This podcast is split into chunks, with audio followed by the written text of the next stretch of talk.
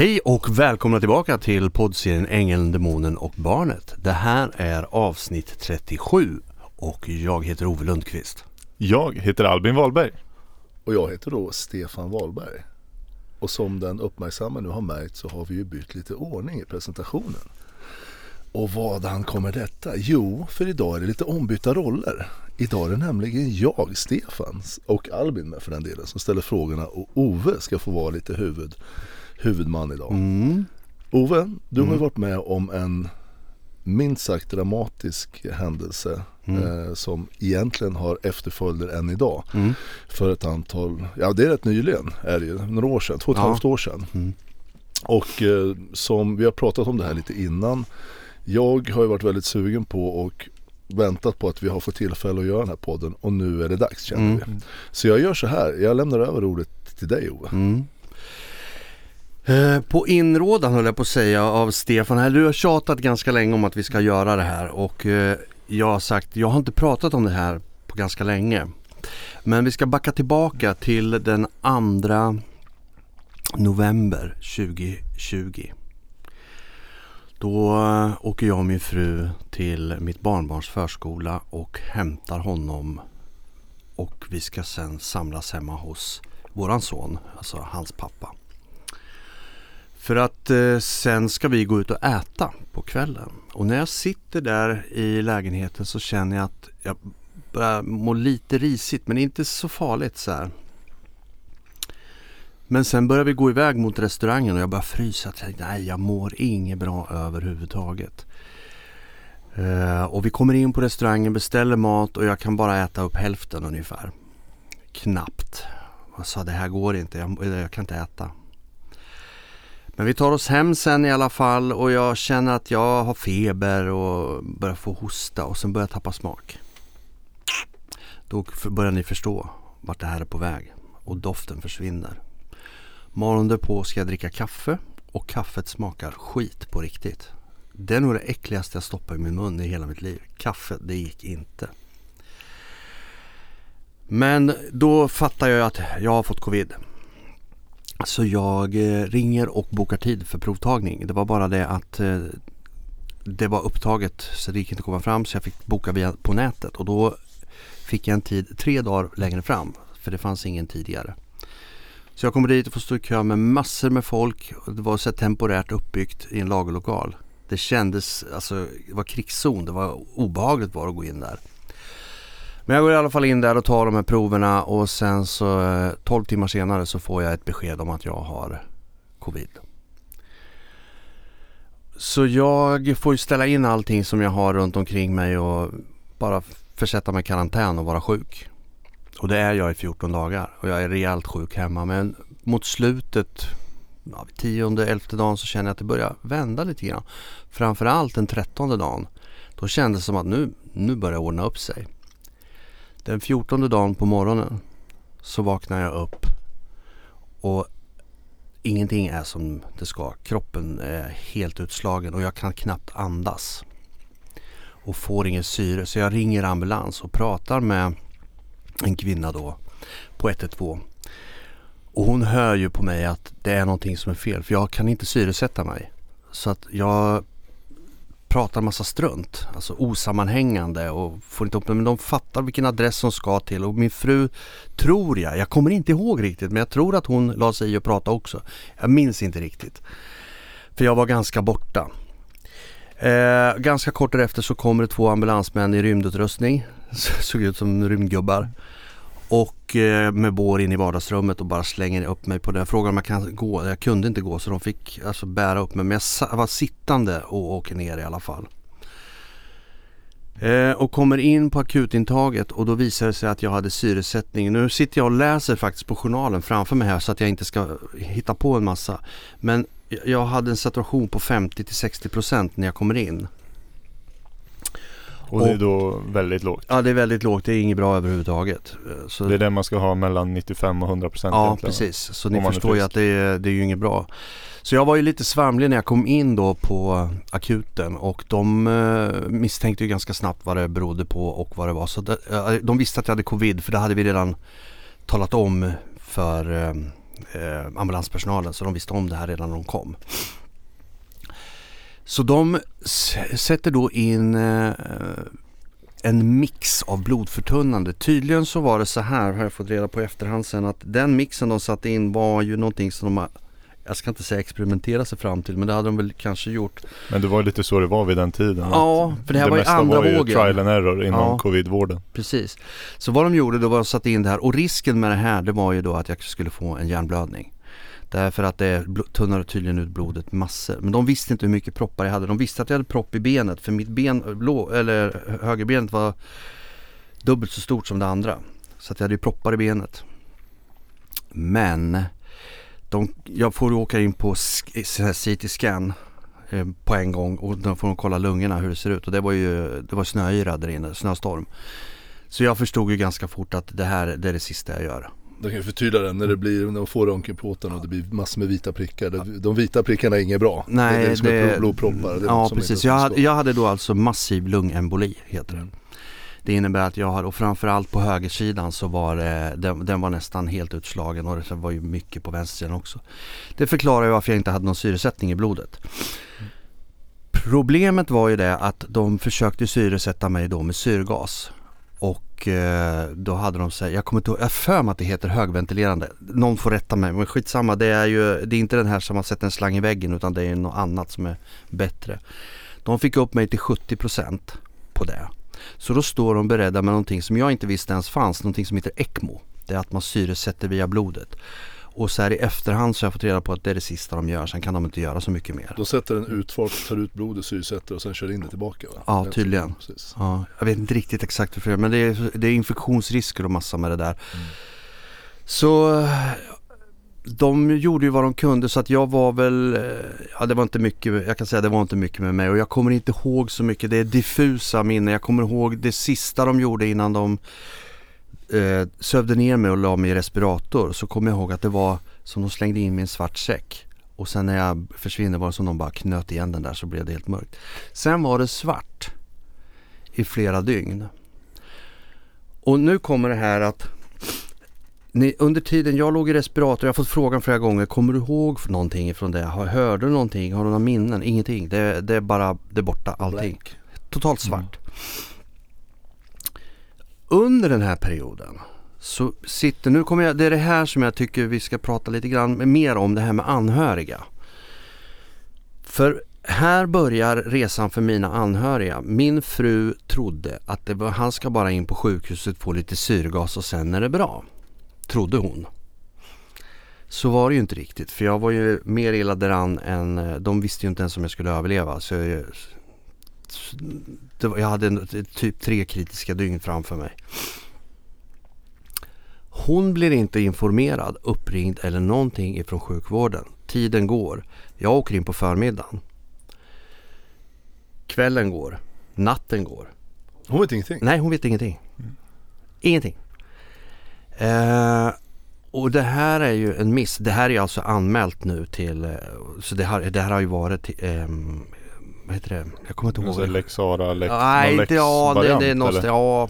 Nej. Hur som helst, de tog ju på sig det här för att de hade ju gjort, det hade ju blivit en miss. Ja. Skitdåligt kan jag säga. Ja, de var För- ju jävligt tungt belastade Ja, då under det var den de. tiden. För Det var panik på sjukhuset kan jag säga. försvar, men Jag fick sen veta att de hade problem med sitt eh, datasystem. Så det var utslaget under en lång tid. Så de hade inget nummer till anhöriga och det var ju lite så. Men min fru ringer i alla fall till slut och får tag på någon sköterska som inte får säga någonting. Men hon lyckas klura ut att jag ligger på IVA i respirator. Och de vet inte om jag kommer att överleva. Mm. Det är inte så kul för henne att föra det liksom. Ja, vilket det är dramatiskt. ju sjukt jobbigt. Ja, och sen så hon har sporadisk kontakt med sjukvården. Och min mamma och min fru delar upp eh, kontakterna så att eh, en har kontakt med en viss del och en har kontakt med någon annan. Så att det inte blir att de ringer om varandra. Sen Mm. sitter de och delar informationen. Så de här dygnen de går ju och de vet ju inte riktigt. Men sen så det börjar ju syresätta sig så att min syresättning kommer upp till 85 procent någonstans. Man kan där. väl lägga in under den här tiden, så ni vet ju, som covid började ju i början av året och det, Ja. det, det dog, nu uttrycker jag mig kanske vårdslöst men inte som flug, men det dog ju väldigt många gick ju bort i det här. På de visste inte våren, hur de ja. skulle Mm. hantera det på våren och sommaren och även på hösten. Och så börjar de kunna klura ut lite små sätt, eller sätt där, där man kan få folk som du var in. Ja, jag var nog bland de första som fick det här experiment. Jag tänkte eh, på, som din fru sitter och vet det här, Ja. du ligger nu i, i liksom i respirator och med all den här faktan Mm. liksom att du har covid och, och det är ju väldigt, väldigt farligt. Mm. Och det är ju en halv, allmän hysteri runt om i världen på alla sätt. Ja, och framförallt jag som då har suttit i det här och varit med om det och varit sjuk så, så pass drabbad själv när folk säger covid finns inte. Då blir jag förbannad. Liksom, det är klart att det finns. Så det kan man ju ta bort på en gång, det behöver inte ens diskutera. Men hur som helst så efter två dygn så börjar ju det stabilis- då börjar min lungemboli lägga sig och gå tillbaka. Då propparna börjar lösa upp. Ja, de börjar lösa upp sig och det börjar släppa. Så efter två och ett halvt dygn i respirator så började de väcka upp mig. Så jag hade väl varit ganska borta nästan tre dygn. Så vaknade jag upp på covid-IVA. För då har de ju kört mig dit. Och när jag slår upp ögonen så sitter en sköterska bredvid mig och smeker mig över kinden och så säger hon Välkommen tillbaka. Det är ganska starkt faktiskt. Mm. Då fattar man vad man är med, vad är med om. Många tankar där i början Ja. som flög. Ja, jag förstod inte vad som hade hänt eller hur länge jag hade varit borta. Jag visste ingenting. Mm. För allting var bara Ja som man går och lägger sig och sover på natten alltså. Ja. Det är bara Det är som när man svimmar typ. Att Ja. är ena stunden är man på ett ställe och nästa stund man har ingen perspektiv på hur Nej. lång tid det var man var borta liksom. Och det var ju så att det, pers- personalen där på covid-IVA eh, i och med att det var så pass isolerat så var det inte mycket patienter och det var, de, de hade byggt upp ny covid-IVA dessutom så det var lite stökigt. De hittade inte saker som de letade efter. Det var, det var inte, inte riktigt i ordning och nu kommer det här. Det var problem med datasystemet. Ingen kunde ringa in eller ut. Man hade inte journaler för de var digitala. De fick skriva på papper manuellt för att sen föra över digitalt. Mm. Så det var, det- var ganska tidskrävande för dem också att göra saker. Men jag ska säga det att världens bästa personal och vilken sjukvård vi har i Sverige. Det, jag måste ge det. Om det är någon sjukvårdspersonal som lyssnar. Fantastisk sjukvård i Sverige. Ganska kort efter jag hade vaknat så eh, kommer den läkaren, Erik som han heter, kommer upp till mig som hade tagit hand om, det var han som hade gjort den här cocktailen och stoppat i. Och då får jag ju reda på just att det var eh, ganska oprövat det här. Och han tog en ganska stor chansning därför att eh, risken var överhängande att jag skulle få en stroke eftersom det var så blodförtunnande. Men alternativet att låta mig dö i lungemboli, då fanns det liksom inget alternativ. Så ja, vi får chansa på att han inte får stroke. Men det gick bra. Jag hade tur. Och det funkade. Och sen så ska man komma ihåg, jag fick en enorma mängder, mängder med kortison. Alltså det var elefantdoser som de stoppade i en. Det medförde ju också att mitt blodsocker drog iväg nog så vansinnigt. Det var ju skyhögt. Så de kom ju spruta insulinsprutor i mig hela tiden. Men jag var ju insulinresistent så det hjälpte ju sådär. Lite grann men.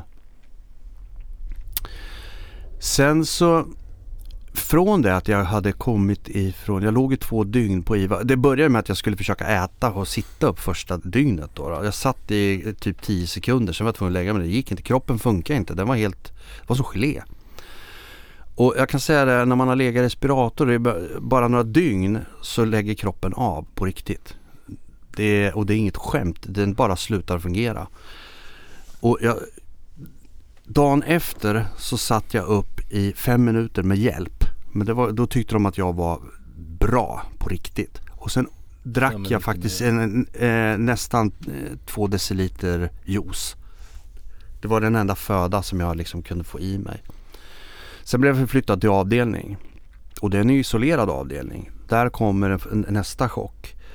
För ganska efter ett dygn när jag legat på avdelning så vill jag liksom bli, göra något. Från fråga, är det något du vill göra? Ja, jag vill borsta tänderna så jag. För att känna sig någorlunda mänsklig. Två sköterskor tar tag i mig och då, ska, då var toaletten eller badrummet då bara en och en halv meter ifrån sidan från sängen. Så de öppnar dörren och egentligen ska bara hålla mig under armarna och ta in mig där och sätta mig på ett sittbord.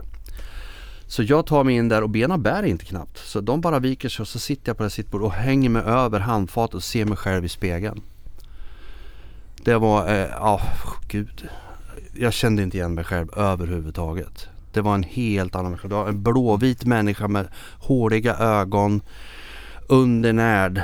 Alltså gud så jag såg ut. Och eh, jag borstade i alla fall tänderna så gott jag kunde. Men den tanken som slog mig då, jag kommer aldrig mer i mitt liv kunna gå. Helt, det, var, det var en konstig tanke. Vilket helt mm. nytt liksom, ja. sätt att förhålla sig till verkligheten och sig själv. Men sen är det så här också. Jag är inte den som ger upp. Och jag är den som ger 110%. Ni som känner mig. Det vet jag om inte. Ja, ni som känner mig. Om vi gör någonting, då ni vet att har jag bestämt mig för något då blir det så. Så jag lägger mig i sängen i alla fall och så tänker jag, nej du jävlar nu, nu ska jag mota Olle Gren, nu ska jag fan bli bättre. Jag upptäckte ganska snart att mina händer fungerade inte. Alltså, jag var, alltså jag, motoriken var helt borta. Du som spelar gitarr jag, jag, Ja, jag spelar gitarr. Så jag frågar sköterskan, nu ska jag komma ihåg det här är andra dygnet som jag ligger på, på, på avdelning. Andra dygnet? Ja, så, ja, ja, fyra, äh, tre och ett halvt dygn efter jag vaknat upp på IVA. Okay. Då frågar jag sköterskan, kan jag få ta upp en gitarr på avdelningen? De bara tittar på mig och säger, ja det är klart du får. Ja, så jag ringer till min syster. Och eh, ber henne åka och hämta en gitarr och komma och lämna den. Fast hon fick lämna den. Man ska komma ihåg då den här perioden så fick man inte, det var inga besök på sjukhuset. Så ingen hade fick du haft kontakt med din fru? Nej, ja, jag hade ringt henne. Det gjorde jag första dagen på avdelning. Okay. Vi fick igång min telefon då och hittade den för den låg i en väska. Så hon hade skickat med sig den. Så att när vi fick den laddad och jag kunde ringa, det första jag ringde det var till min fru. Mm. Men hon i alla fall, men eh, det här med gitarren. Min syster kommer till sjukhuset och får lämna till en personal i entrén nere på mm. uh, ja, huvudentrén. Det var ju så det var. Folk var livrädda för att få kontakt. Liksom. Så jag fick min gitarr och det var min terapi att sitta och försöka återhämta styrkan i det här. Och sen bara det här att jag kunde gå ifrån sängen till en stol som stod tre meter därifrån och sätta mig i stolen och sitta upprätt i en stol eller fåtölj ska jag säga att det var. Bara det var en bedrift.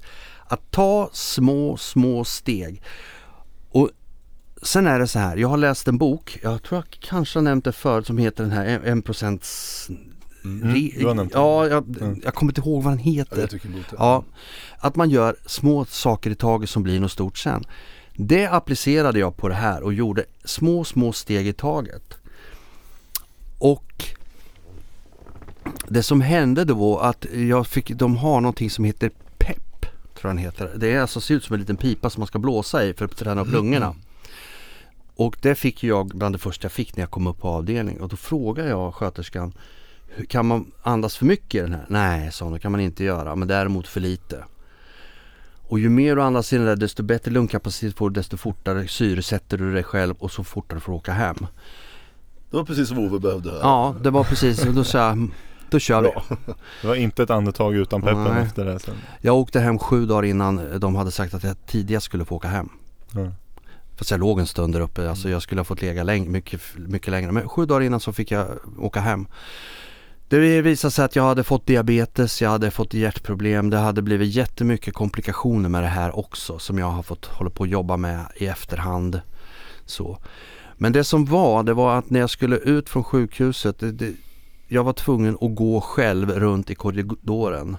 Men, alltså det var jättesvårt, kroppen bar inte för jag var tvungen att sätta mig och vila ibland. Så att gick jag... gick, gick du eller gick du med rullator? Nej inte då, då Nej. gick jag inte med rullator. Nej. Jag var tvungen att gå själv men jag höll mig i väggen. Alltså det var, jag hade ju knappt balans. Men jag bad en sjukgymnast att få en rullator och det fick jag. Så den hade jag med mig hem och blir hämtad av min dotter kommer och hämta mig. Hon kände ju knappt igen mig. Hon trodde att det var hennes farfar. Så hon fick ju slag, stackars människa.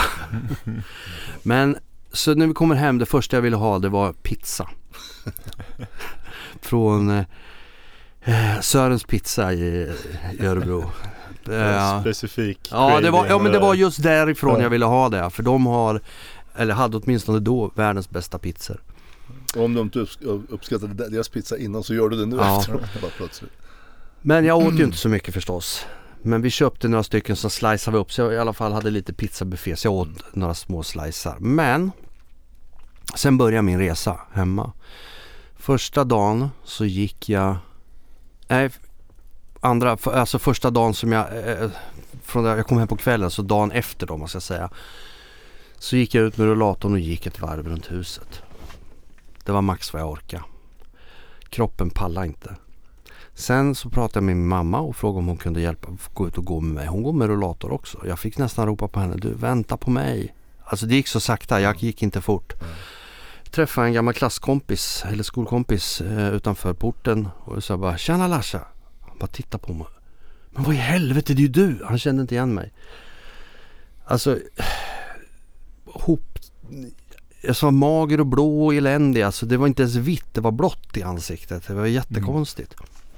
Men sen så började jag och min mamma gå längre och längre. Så efter nio dagar släppte jag rullatorn och min mamma kunde inte hänga med sen för hon, jag gick för fort. Sen släppte jag rullatorn och började gå längre och längre. Kroppen börjar bygga upp sig långsamt i de här ligament och leder och alltihopa som var helt... Balansen påverkas ju av det också. Så, och då ska jag säga så här att eh, jag kom hem i början på december från sjukhuset. Sen började min träning. Den 24 december 2020 så går jag runt i ett spår som är drygt 3 kilometer. Avslutar det och går. Eh, för de som bor i Örebro så kan jag säga att vi har någonting som heter Sörbybacken och där har vi en trappa som de flesta örebroare känner igen. Den gick jag upp för på julafton efter jag hade gått 3 kilometer. Jag höll på att dö när jag kom upp. Jag gick utan att stanna men när jag kom upp så fick jag knappt luft. För lungorna var ju inte så pass i det skicket.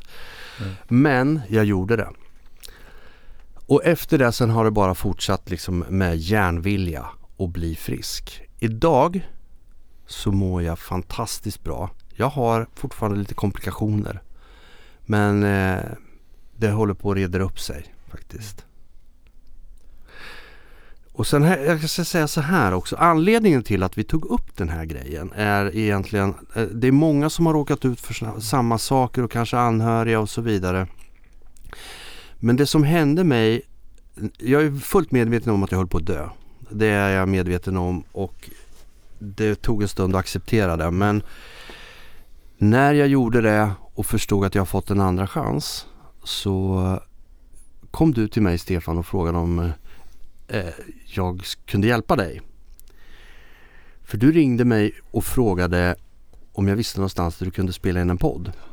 Och jag då, hade ju då bestämt mig om att jag skulle göra den här podden. Ja. Men jag visste inte riktigt hur och var och sådär. Och Jag ringde runt till någon, sen ringde jag tänkte jag måste, Ove, klart jag ringer Ove. ja, Och då ringde jag dig. och då frågade jag helt enkelt vad ska du göra för någonting? För du vill egentligen ha någon studio och kunna, alltså poddstudio, det var egentligen det du sökte. Mm. Och för er som inte vet så har jag eh, en egen studio, inte som jag hyr ut kommersiellt utan för min egen pro- egna produktion. Och eh, då så frågade jag då vad är det du ska göra och jag hörde och förstod att nej, men det här kommer inte att gå, det kommer bli alldeles för komplicerat. Så jag sa det, kan vi träffas? Och sen så, ja, gick vi igenom och jag bestämde mig för att göra det här. Hade du frågat mig, och det är det här som är själva grejen, att jag har blivit en annan människa efter jag kom ur det här. Jag är en helt, ser saker på ett helt annat sätt. Hade du frågat mig innan jag hade haft covid och blivit så dålig, då hade jag sagt nej. Och sen hade jag hänvisat dig någon annanstans. För jag insåg ju vilket arbete det låg bakom att göra det här. Men jag, eh, för er som inte vet om ni är nytillkomna och bara lyssnar på det här avsnittet så Stefan och jag känner varandra sedan tidigt 80-tal. Vi var unga och vi spelade ihop i band och när han då kommer med en grej så känner jag bara att jag måste göra det här. Det, det fanns liksom inget annat. Och det ni ska komma ihåg, alla ni som lyssnar, det finns ingen ekonomi i det här. Och jag har inte tagit ut en enda krona i betalt för det som vi har gjort. Och det är det som gör att man har tänkt på ett annat sätt. Och det vet ju du Stefan. Absolut. Det är ju det som är inte- egentligen varför- Du sa faktiskt så här direkt när vi pratade igenom här en stund. Jag hade ju bollat lite tankar med det hur jag hade tänkt podden och sådär. Och jag hade väl roddat runt det här såklart. Men det hade ju tagit en helt annan väg än vad Det hade blivit en helt annan produkt i Ja, slutändan. alltså än när du kom in. Mm. Det är ju så här, jag jag pratade med dig för jag ville ha först råd och jag tänkte inte ens tanken liksom, jag tänkte inte ens fråga dig men du säger själv, nej men Det här kan ju vi göra, det kan Ja. göra hos mig, så gör vi det. Och jag Mm. bara tänkte till några sekunder, ja men det är klart. Mm. alltså det, det blir ju inte bättre än så. Du hade ju redan blivit presenterad om Ja. den här historien Ja också. den visste jag kände hade till den sen innan. om Bill Engman och Eva Stark och alla runt omkring Mm. och allt vad som har hänt. Den här faktiskt bisarra historien. Mm. Och där så bara tog du ett beslut, ja men vi gör det här. Och det, du har inte liksom vacklat på det beslutet Nej. en millimeter från det. Nej.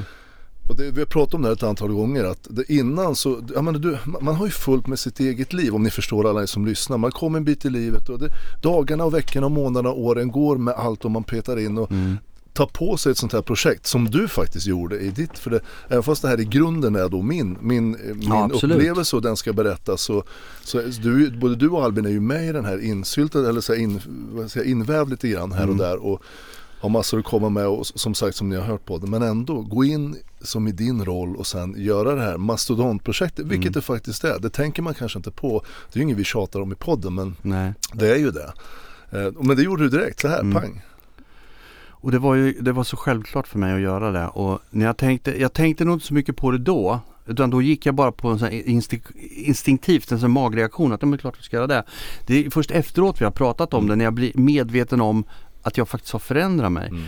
Och det här är också lite intressant. Du har ju känt mig så länge. Och har sett mig ifrån min vilda ungdom till den man jag är idag. Och du, om man ska backa tillbaka som vuxna så har vi även umgåtts och setts Mm. innan jag blev sjuk. Mm. Ska man ju komma ihåg. För vi spe, har spelat ihop även på senare tid innan jag fick covid. Precis.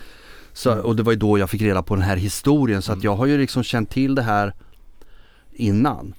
Vi kan, ju, vi kan ju släppa en liten minibomb, vi säger inte så högt om det men om ni vill se Nej det jag inte säga.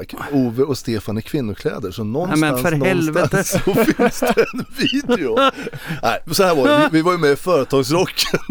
Nu blir, blir Ove väldigt obekväm. Jag men- orkar inte. vi har gjort en massa vad, du, vet vad jag tyckte om det där redan då? Jag. Jag kunde inte låta bli, du får förlåta mig. Men, men, nej, vi, vi har ju haft kul, vi har ju spelat korprock i Företagsrocken. Ja. Vi säger inte mer än så. Nej. Och där hittar vi på, vi klädde ut oss till djur och allt möjligt. Och. Silverfiskar. Det också. Och spela hade väldigt roligt. Men man, Företagsrocken har ju tema där man ska spela och det ska låta bra men man ska också vara med glimten i ögat och göra något kul. Det är därför man gör så. Och sen så tävlar man mot andra företag. Men det har vi gjort bland annat, Ja, rätt så i, mo- i modern tid. Så vi har träffats liksom över tid, har vi träffats då och då. Mm. Och jag har sett verkligen dig förändras. Det har jag faktiskt- gjort. Och du har ju fått eh, tre skoper ödmjukhet mot både dig själv och livet och omgivningen och allting efter det här hände. Mm.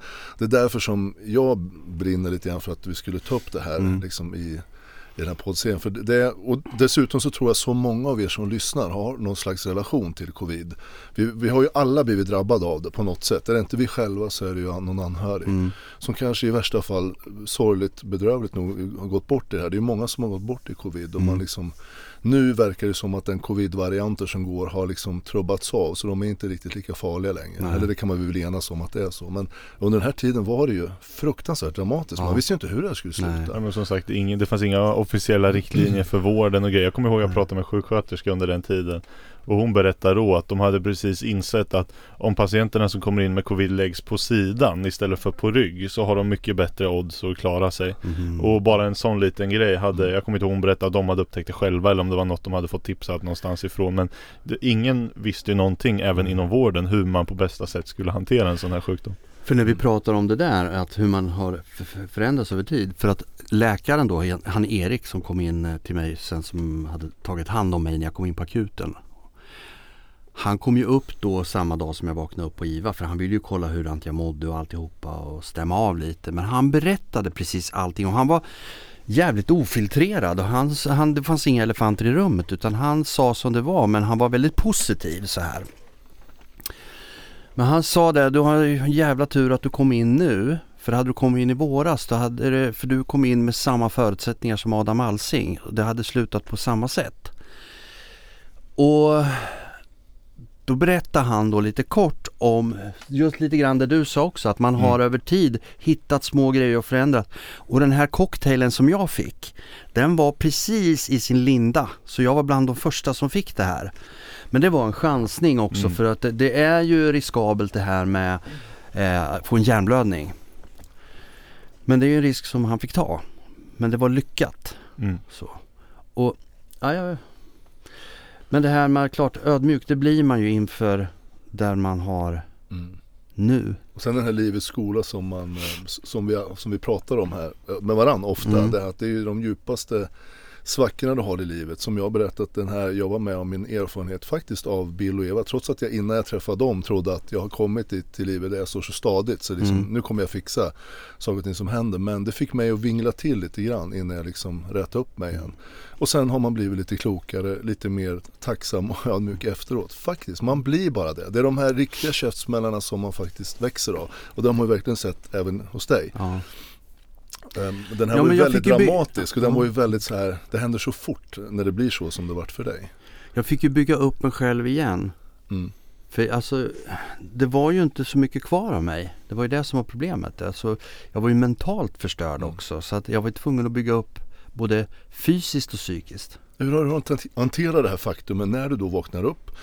Du håller på liksom och förstår, du börjar pejla in vad som har hänt, du har legat i respirator och sövd och sådär. Och sen så plötsligt förstår du när läkaren kommer in och efter en stund när det- sjunker in det han har sagt att hur otroligt nära du var. Alltså dörren till den Ja. sista dörren stod ju öppen på glänt. Ja. Men du lyckades undvika den. Liksom, vad, hur har du hanterat det själv? Grejen var så här, jag förstod nog inte riktigt 100% hur illa det hade varit när jag var på, på IVA. För att då var jag vid liv, jag var vaken, jag hade sjukvårdspersonal runt omkring mig. Jag kände mig trygg på något sätt. Mm, okej. Men från det efter jag hade kommit hem och eh, det var väl ungefär 14 dagar efter jag kom hem. Jag hade i alla fall släppt rullatorn och börjat kunna gå så att jag gick till vårdcentralen och hade träff med min husläkare. Och, han, eh, och då var det vi skulle börja kolla upp min diabetes för jag hade fått diabetes på grund av det här. Och då sitter han och han har läst igenom hela min journal. Och så frågar han mig helt iskallt bara. Vet du vad du har gått igenom? Jag sa, jag vet inte om jag fattar det än, sa jag. Jag kan berätta för dig. Får jag göra det? sa han. Och sen drog han alltihopa från början. Från det att jag hade kommit in. Han läste igenom alltihop. Förklara vad alla saker betydde. Hur. Och han sa, du, du förstår inte hur nära du var. Det var, eh, när man tar fram en ECMO. Då, då är det illa. Och han då som är läkare eh, har ju en annan koll på det här. Det var då jag fick reda på det här med att syresättningen 50, jag trodde ja men hälften så bra. Mm. Det är det ju inte. Nej. Men det kan ju inte jag veta, jag är ju ingen läkare, jag vet ju inte sånt där. Ja, och för de som inte vet och som är nyfikna, de flesta moderna smartphones och eh, ja, mobiltelefoner har en funktion så eh, man kan sätta fingret mot en sensor bak och läsa av sin syresättning. Och jag sa att det var 95 till 100, jag tror det är till och med 98 till 100 eller något sånt där man ska ha om man är frisk. Och det har man ja, men alltid i regel. Så Jag tror alla Samsung har det i alla fall. Eh, Mm. så Ja, det kanske är så det är. Om du går in så ligger det inbyggt en hälsoapp. ja, Det kan man gå in. Jag vart ju också bara för skojs skull om ni är Ja. nyfikna. Så. Mm. Jag lärde mig det här när, när farsan hade, när farfar hade cancer. Mm. Så var det viktigt det här med syresättning. Ja, Han just hade ju cancer i lungorna. Och då är det mellan 95 och 100, det är där man ska ligga. Då är det rätt okej. Helst ska man ju ligga så nära 100 som möjligt. Ja. Men går du ner mellan 90 och 95 då är det lite så här, ja det borde vara lite mer men det, det funkar. Kanske om man är lite nedsatt eller lite äldre och sådär. Men det, det ska helst ligga under 95. Men går du under 90 då blir det liksom, då, då är det allvarligt Mm. sådär. Alltså det var ju Och du hade 55, då sa du? Ja, 55. Ja, det är Då är man ju inte stöddig kan jag ja. säga.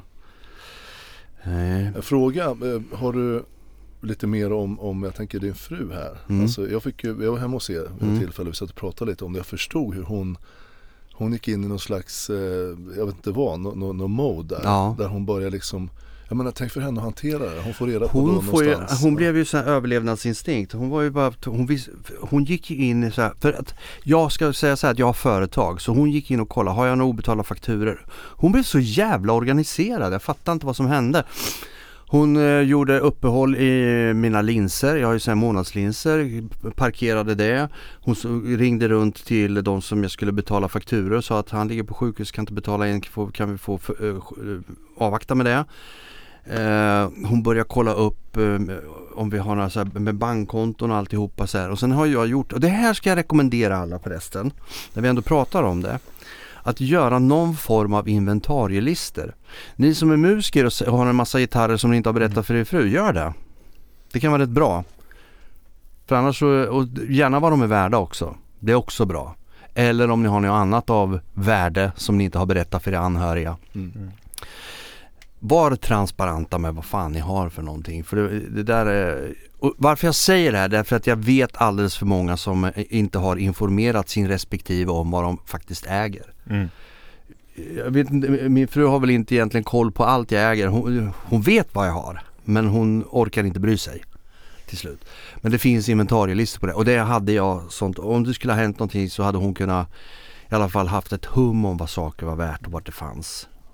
Så. Det blir, man blir påmind om verkligen också den här aspekten hur otroligt skört livet är. Ja. Förhoppningsvis ska vi leva och bli hundra år eller mer. Vi, Mm. Det vill vi ju alla och det hoppas vi på såklart och det är det man önskar att få med. Men det är inte alla förunnat att kunna bli. Det kan hända massor på vägen. Ja. Det har varit otroligt dramatiskt för dig. Du var ju otroligt nära som Mm. fler, både läkaren på sjukhus och efter. Ja. Den där läkaren som kom efter sa. Eh, så jag menar det här med att göra, och speciellt tänker jag, nu tänker jag bara fritt här, när man har passerat 40-50 någonstans Mm. sådär. Jag menar de, de största risken som egen företagare till exempel, den löper du mellan 45 och 55 Mm. av stroke och hjärtproblem, hjärt och kärlsjukdomar och sådär. Hjärtinfarkter och sådär. Eh, Mm. Om någon anledning så minskar den efter 55 så Mm. överlever det. Så- Men ja, det är bara statistiskt sett. Ja. men, men, men som sagt, du ska ju helst hela livet och framförallt när du har någon partner, du har barn eller sånt där, Mm. på något sätt familj. På, på något sätt. Skriv ner någon slags vilja Mm. du skulle vilja att det du har, gör det med, ojämna, eller med jämna mellanrum helst. Ja, per år eller sånt där. Stäm av. Varför inte? Det låter ju som att man ska planera för sin död. Men ja, det är det, Det- ju men grann. det- För någon gång kommer vi ju dö, det vet vi ju. Fast det vill man inte hålla på och prata om jämt. Men ibland måste du kanske göra det för dina nära och kära skull. För att det ska, Ibland inte tyvärr ska bli... går det fortare än vad man tror. Ja, och vem har inte varit med om och hört talas om någon sån här arvstvist där, där jättebra vänner och syskon att blir osams. Det är jättevanligt. Jodå. Så det här med som du var inne på, någon, någon slags lista vad du har och vad det är Mm. värt och sådär. Det underlättar ju otroligt. För det är det sista man vill tänka på Mm. När någon man älskar har gått bort. Mm. Det är ju så sorgligt så det är ju nästan omänskligt sorgligt men man måste klara sig igenom det och då slipper man kanske en del av det här. Ja, man Massa måste vara lite praktisk inför döden också, tyvärr. Det låter hårt att säga det, men eh, det kan slå till när som helst, helt otippat. Faktiskt. Du kan ju krocka med bilen eller eh, ramla ut från eh, vad heter det, taket om du är uppe och skottar liksom. Vad som helst. Och livet är ju så, hur försiktig du än är och hur rädd om dig själv du än är så kan det hända allt möjligt. Mm.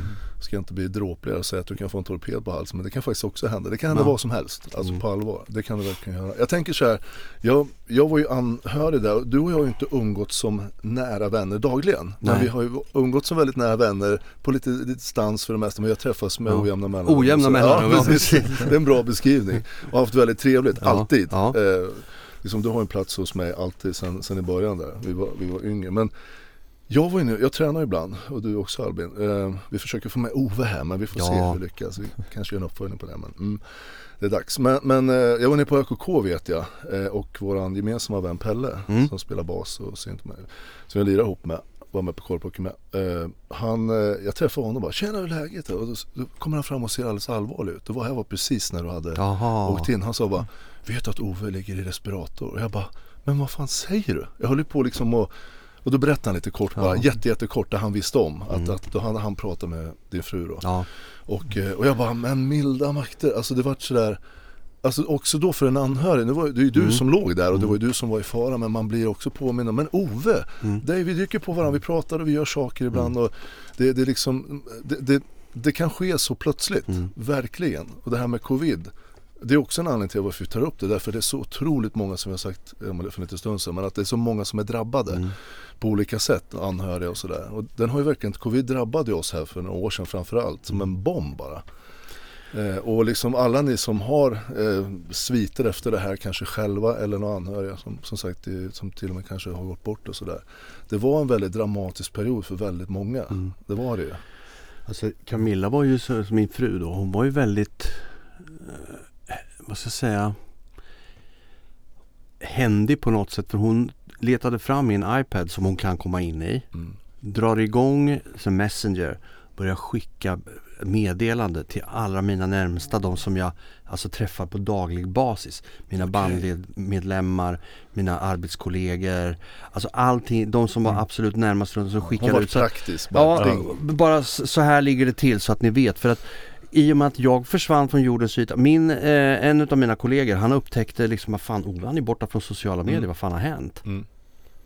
Ingenting, han var helt borta. Så då han började misstänka att någonting har hänt. Så han var ju i kontakt med, med Camilla och det var flera som var i kontakt med henne. Och det är klart att ehm, folk blev ju undrar. Och nu hade jag ju tur att jag kunde återhämta mig så pass fort. Eh, jag har ju hört de som har legat i respirator mycket, mycket längre tid. Mm. Och de har ju haft en mycket längre återhämtningsfas för kroppen blir ju faktiskt, den går ju sönder på något sätt. Jag vet inte vad som händer i kroppen men det blir ju inte bra när man ligger i eh, respirator. Så. Mm.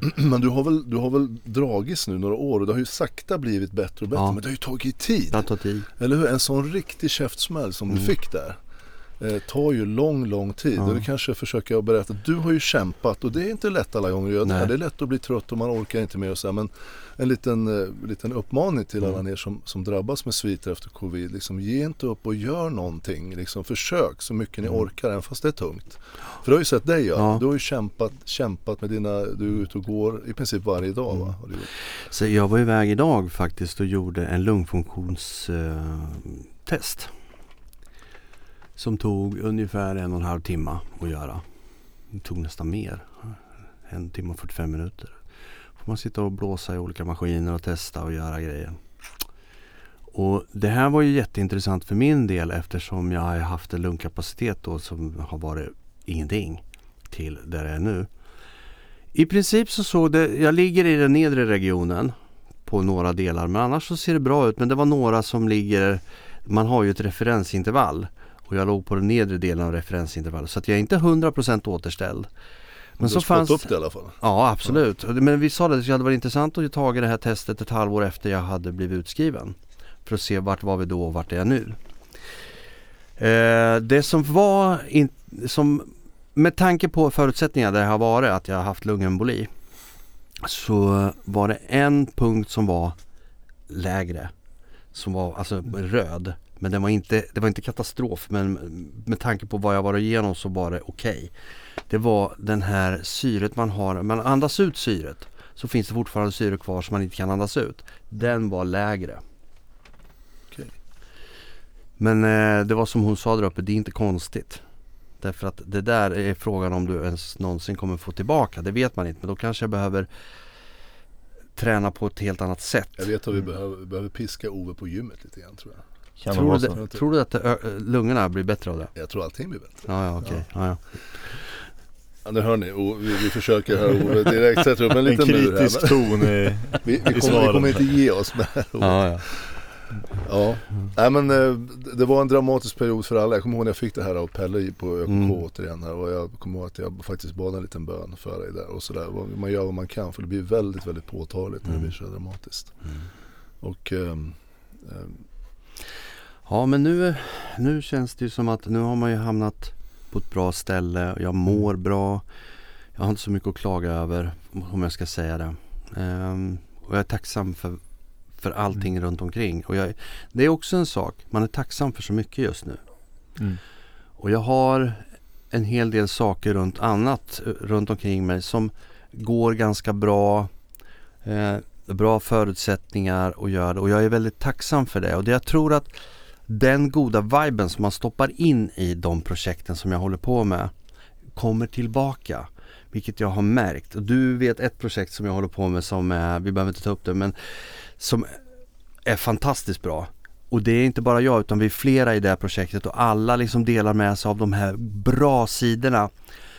Och det gör det att jag kan fortsätta hålla den här goda viben som jag har. Det är skönt är det inte lite så, alltså jag kan se att du uppskattar saker bättre nu. Mm. Alltså direkt, jag kan Ja. se vissa saker, bland annat det här projektet du pratar om. Mm. Men det är inte så att du kan liksom, en liten, liten känsla av att du får faktiskt vara med Ja. en stund till. Ja. Är du med? Ja. Och man kan uppskatta då- det man vill göra och just sånt där som är Och kul. Då när jag- blir det verkligen genuint. När man är med i den här sista st- stunden som man har kvar, som man har fått då, så vill man också ge det bästa från sig själv. Inte allt från sig själv, utan det bästa från sig själv, alltså till de här grejerna.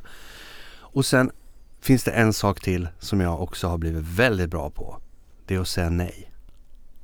För saker som påverkar mig negativt, personer, eh, situationer, allt sånt, det säger jag nej till. Nu kommer jag säga någonting viktigt här. Därför att det här gäller alla. För det finns, man brukar prata om energitjuvarna. Nu kommer vi tillbaka till de här narcissister och psykopater. Och, de finns runt omkring oss. Lär man sig att observera det, då, då tar man avstånd från det. Man vill inte ha med dem att göra. Man ignorerar det därför man vill inte ha någonting med sånt att göra. Sånt som man känner att det här finns inget bra i eller det här ger mig ingenting som att göra att jag mår bättre eller mår bra. Släpp det.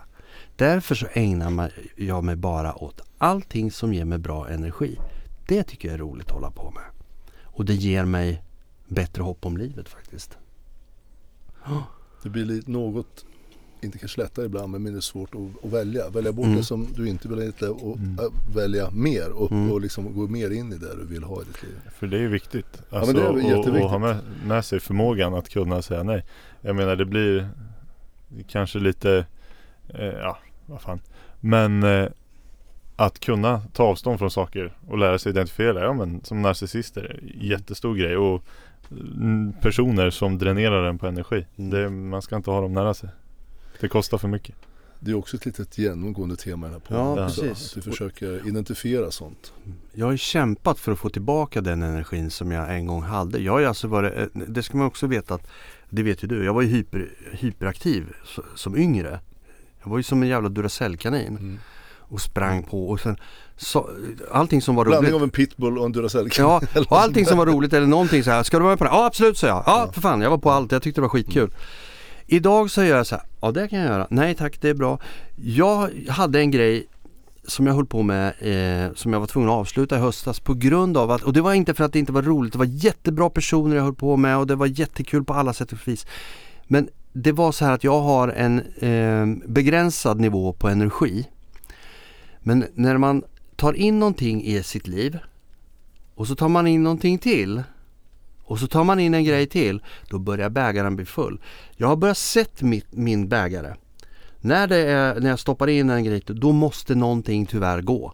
Så jag var tvungen att lyfta ur en sak och avsluta en sak som jag kanske egentligen inte någonstans ville men för mig själv. Och är det någon av er som kan förstå det här, eh, ja, som känner igen sig i det så eh, ni fattar grejen tror jag. Sen när tar du in för mycket så glädje med de andra projekten, topparna tas ju bort. Ja. Du kan inte gå fullt in i dem för du har så mycket i skallen. Och glädjen försvinner lite grann i nästan alla de grejer man har. Och det är ju det jag inte vill göra utan jag vill behålla glädjen i det jag gör. Därför är jag väldigt begränsad i de saker jag gör. Och sen så eh, k- säger jag ifrån mycket lättare än vad jag gjorde förut.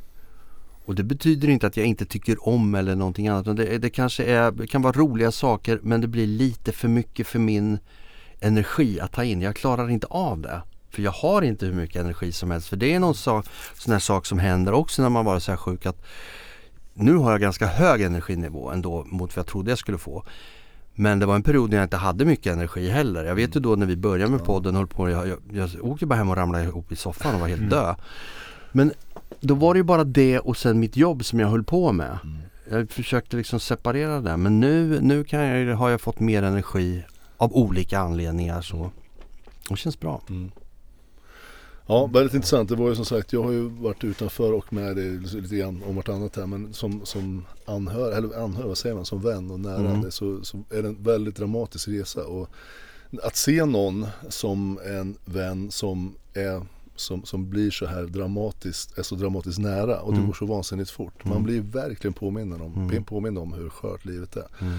Ska vi göra så att vi rundar av den här Ja. podden genom Mm. att säga, att skicka en tanke till Mm. alla er som faktiskt har blivit drabbade, vilket Mm. de flesta i Sverige som lyssnar på det här också som har blivit på ett eller annat sätt, också själva eller någon anhörig och vissa kanske har gått bort och skicka en, en varm tanke till det. För det här var en dramatisk period. Mm. Nu har håller det ju på som sagt och mer eller mindre blir helt hanterbar. Mm. Eh, även fast det fortfarande är någon annan som faktiskt eh, går bort i det. Mm. Men det börjar mer likna en, vad man kallar för vanlig influensa. Men det här, det här har ju inte varit som en vanlig influensa. Nej. Det här var ju oerhört dramatiskt. Mm. Eh, Så och vi, tack Ove för att du delade med Ja. dig av den här historien. och vi skickar varma tankar till er. Tack för den här veckan. Var rädda om allihopa så hörs vi om en vecka igen. Hej då! Hej då!